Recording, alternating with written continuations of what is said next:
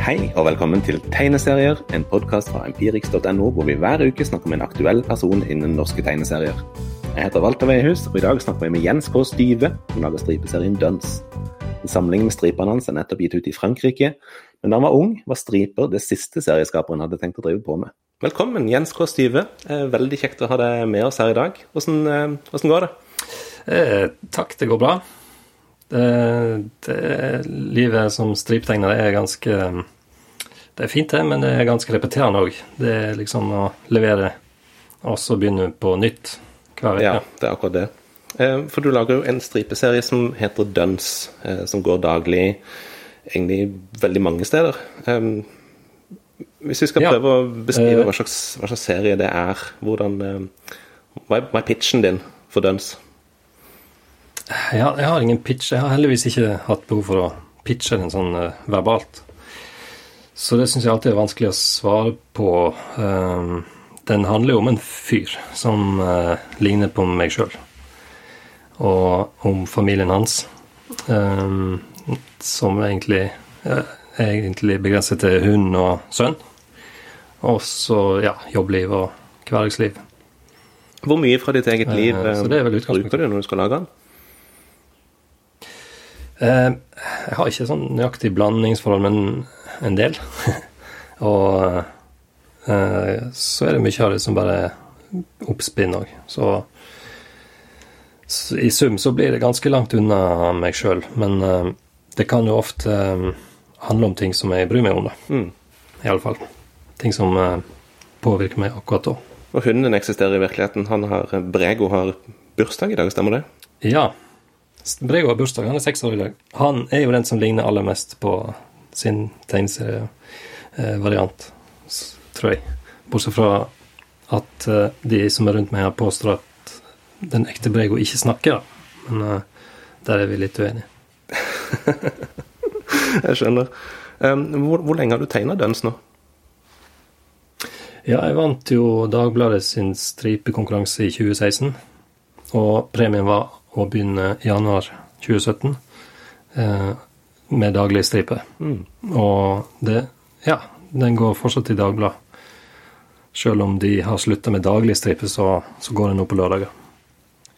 Så da er vel den begynner å bli fire-fem år gammel nå, serien? Ja, i går så leverte jeg stripe nummer 938. Så det nærmer meg 1000 strippers stripers jubileum. Ja, Så det begynner å bli en bra samling. Hva vil du si er mest forskjellig fra, fra det du starta til, til sånn serien er nå? Den har utviklet seg en god del, heldigvis. For det, det hadde vært litt kjedelig å gjort det helt likt i 1000 striper. Men uh, en veldig klar forskjell er jo at uh, den ble tegnet på papir i begynnelsen. Og nå blir den tegnet på iPad. Nettopp. Uh, Hvorfor gikk du over til det? Som er at jeg sparer jeg sparer mye tid på det. Det er vel kanskje det som er hovedgrunnen. Eh, jeg var jo veldig Jeg er jo veldig begeistra for å tegne på gamlemåten på papir med pennesplitt og tusj og pensler og sånt. Så det er vel kanskje det jeg ville ha foretrukket, men, eh, men eh, ja. Det var så tidsbesparende med iPad, og så kom jeg ganske nært stilen som jeg har på papir.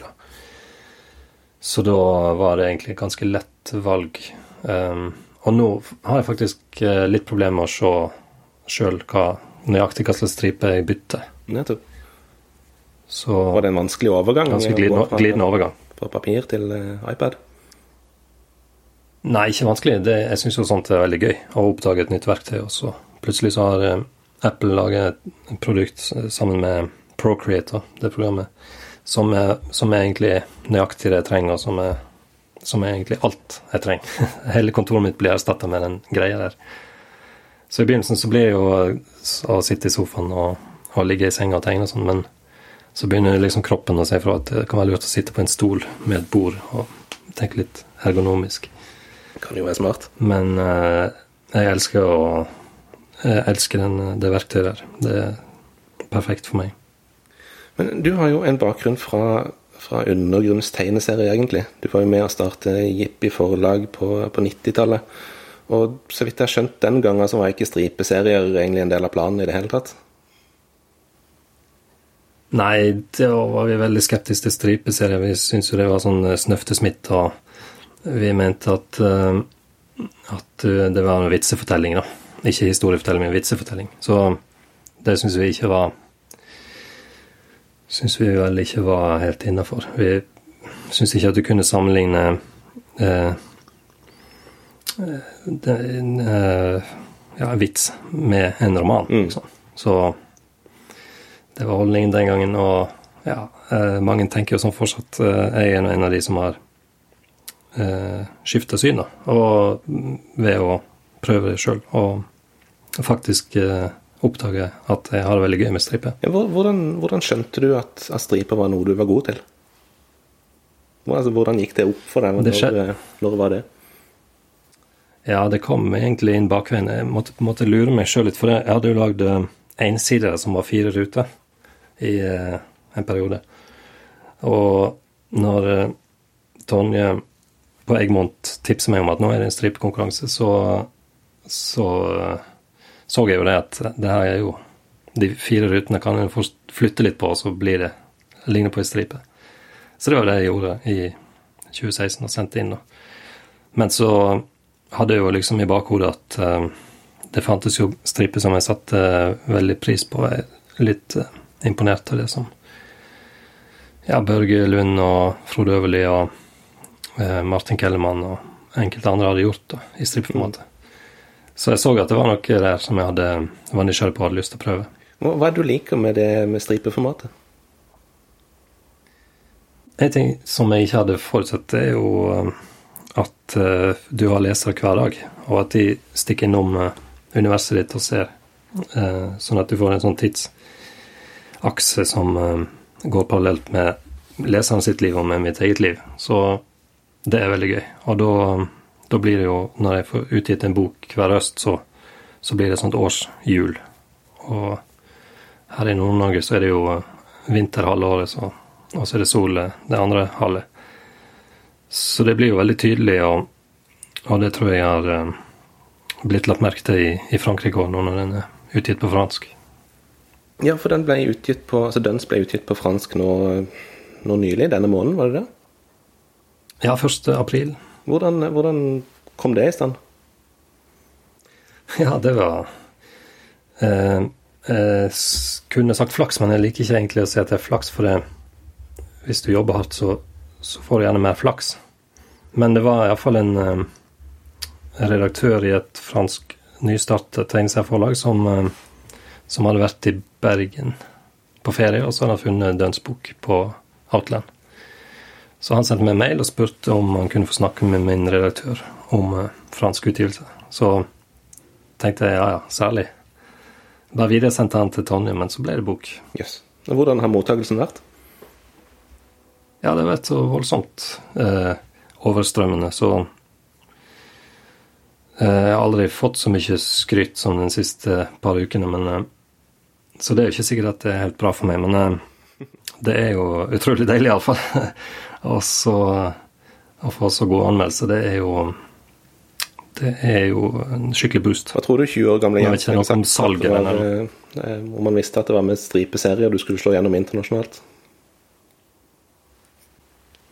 Hva slags Jens var det? Den 14 år gamle? 20 år gamle, eller den, den som var med på Jippi? Ja, det har kanskje vært litt fallitt, ja. Det er nok kanskje Jeg har sett for meg en litt sånn patetisk karakter, ja. Nei, men det, det tror, jeg ikke du skal, tror ikke du skal kjenne for hardt på i det hele tatt. Nei, sånn 20-åringer skal du ikke. Nei, sant. Men eh, det er jo lett å tenke at for å slå an internasjonalt, så, må, så er det liksom synligere, synlig, å være synlig på nett som gjelder. sant, og jobbe hardt i sosiale medier. og eh, altså Det å være en stripeserietegner er jo gjerne en heltidsjobb i seg sjøl. Og så er det gjerne det presset på at du skal levere litt sånn utenom oss, og du skal, du skal, være der, du skal dele ting, du skal være, gjøre deg sjøl aktuell. Eh, kjenner du på noe av det, de tankene der? Nei, eh, jeg syns jo teknologi eh, er gøy. Så for meg så er sånn tilstedeværelse litt sånn for moro skyld og, og, litt lystbetont. Men når jeg begynte med å lage tegneserien i 2014 etter en lang, lang pause, så så er Instagram en sånn, et slags tegne, tegnemiljø for meg, da. Med andre tegnere som jeg kommuniserte med.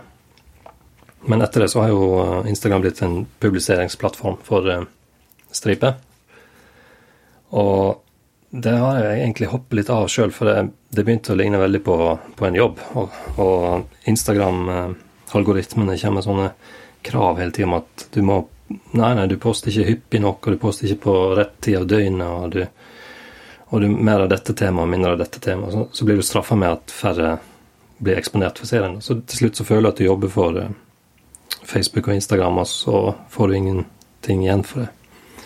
Um, sånn at uh, for meg så var vel Instagram kjempeviktig, og så har det vel heldigvis uh, kommet anledning til å få ting på trykk, sånn at ikke må bruke de der plattformene. Jeg kan bare gjøre det hvis jeg har lyst. Var du bekymra for at du la ut for mye ting gratis som, uh, av serien din? At folk kunne bare lese det på sosiale medier og ikke ja, At det blir litt som du sier, at du jobber for eh, Facebook og Instagram og ikke for deg sjøl, på en måte? Ja, jeg syns kanskje ikke en skal gi ut for mye. Jeg hadde vel funnet ut at jeg sletta ting etter hvert som jeg publiserte, så jeg har vel aldri hatt mer enn 90 postinger liggende. Så, og det, det fikk jeg liksom ikke noe smekk eh, på lanken fra Instagram pga. det, så, så, det kan jeg jo anbefale folk å gjøre. For hvis du har lagd 1000 striper og alt ligger ute gratis, så, så føles kanskje det litt eh, som at du har gitt det. Det er kanskje sant. Men hvis du ikke er på Instagram, hvor, eh, hvor finner folk det hen da nå på nett? Nå for tida bruker jeg Twitter mer. Det der er jo igjen et sånt tegne-community som, eh, som, jeg syns er gøy å være med på. Så jeg er vel mest der, ja. Mest aktiv der.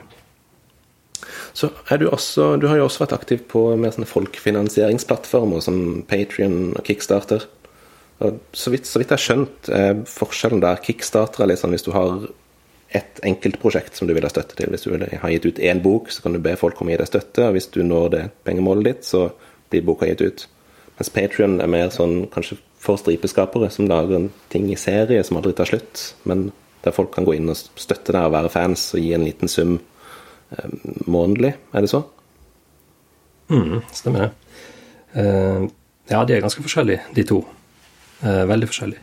Men du, eh, du er nokså nok aktiv på, i alle fall på Patrion, er du ikke det? Jo, for um, når du poster ting, uh, enten det er på YouTube eller Instagram eller andre plasser der du ikke får betalt, så er det lurt å koble det til en Patron-konto, sånn at uh, de som, uh, de som syns at det er verdt å betale for det, de uh, kan ha det her månedlige abonnementet. Og du kan òg selvfølgelig gi de ekstra materiale som ikke fins offentlig eller gratis.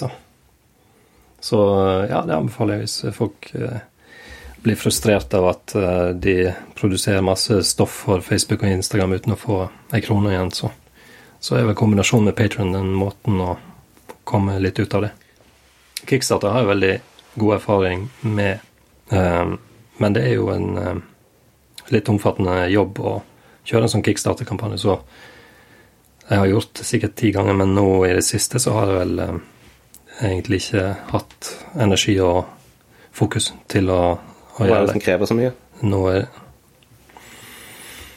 eh, Det er jo selve kampanjen. Den må jo lages, og den skal helst eh, Du skal beskrive prosjektet ditt på en innbydende måte, og så må du prøve å få, få nok eh, backere, og så skal du jo få det trygt, og så skal du sende det over hele verden. Og da er jo porto og frakt er jo blitt eh, større og større mareritt eh, de siste årene. Så det er jo en del utfordrende ting med det, men uh, det er jo òg eh, Det er veldig tilfredsstillende å gi ting ut sjøl, selv, selvfølgelig. Og uh, for meg så var det jo en veldig boost at folk rundt i verden var interessert i det jeg gjorde. Ikke bare mase på det norske markedet hele tida. Mm.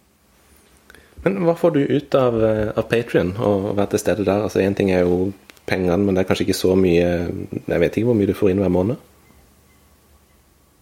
Ja, det er jo du har jo noen veldig Jeg har noen veldig gode støttespillere som er veldig eh, lojale og veld, eh, som heier på prosjektet mitt, så det er jo veldig god moralsk støtte òg. Og så kan jeg bruke de hvis jeg lurer på noe. Jeg kan få innspill og eh, kan få hjelp med f.eks. oversettelser og sånt. Jeg setter, legger ut mine klønete engelske oversettelser, så har vi en avtale om at det er lov å pirke på det og komme med forslag. Og det er ganske mange patrons som gjør. Så da får jeg jo språkvaskere av de, da. Så det er jo gode støttespillere og en liten heiagjeng. Og har vært eh, Tidvis har det vært helt avgjørende for at jeg kunne fortsette med døns. Det var jo når, jeg, når Dagbladet slutta med daglige striper, så var jeg veldig nær ved å gi opp. Da var det nok Patrion-gjengen som redda det. Mm. Ja, for du lever fulltid av, av å tegne døns nå, er det så? Ja, nå gjør jeg stort sett bare det. Litt frilansing eh, i tillegg, men eh, prøver ikke å ta noen sånne svære prosjekter ved sida av. For jeg, jeg prøver å lage åtte striper i uka, og det, det tar fort fem til sju dager. Åtte i uka, er det for å ligge litt i forkant? Ja, det er for å prøve å få oss litt eh, buffer. For det, når det skjer noe i familien, eller hvis du plutselig skal ha litt fri, så, så er det greit å ha litt å gå på. Mm. Men eh, hvor eh, holdt på å si, Hvor vanskelig er det å leve av tegneserier i dag? Hvor, hvor kommer mesteparten av pengene fra? Er det boksalg, eller er det de daglige avisstripene? Er det noe annet? For meg eh, Ja, altså, det er jo Helt siden jeg ble kjent med en tegneserietegner, så har vi jo så har jo vi serietegnere klagd på hvor vanskelig det er. Og det er jo folk nå òg. Det er vel eh, Mengden med klaging og fortvilelse er jo omtrent eh, stabil. Um, så er det jo masse dommedagsprofetier og sånt for tegneseriemedia. Så en kan alt, det er alltid noe å bekymre seg for, men eh, som frilanser så blir det jo sånt eh, lappeteppe av en inntekt. Så det er ikke mye en får uh, for at aviser at Altaposten trykker striper daglig, liksom. Men uh, når du har uh, klarer å få en del aviser og, og i tillegg bokutgivelser, så, så, begynner det nesten å ligne en inntekt. Det baller på seg etter hvert. For du er jo, du er jo serietegner, grafisk designer, forfatter med to bøker bak deg. Og du har også mm -hmm. et mhm. band med ny EP ute nå. Um, The Dunces. Ja. Hvorfor, skal, hvorfor, skal, ja. hvorfor bør folk høre på The Dunces? Nei, de bør ikke høre på det hvis ikke de liker postpunk. For det er vel eh, Det er sånn musikk som vi i bandet elsker, og som vi hørte på Det var en eh, På en av de få konsertene vi hadde, så var det en som sa at det hørtes ut som 1987. Og det tar vi som kompliment nå. Da var jeg 15 år. Det var jo Den gangen var jo musikk enormt viktig for meg.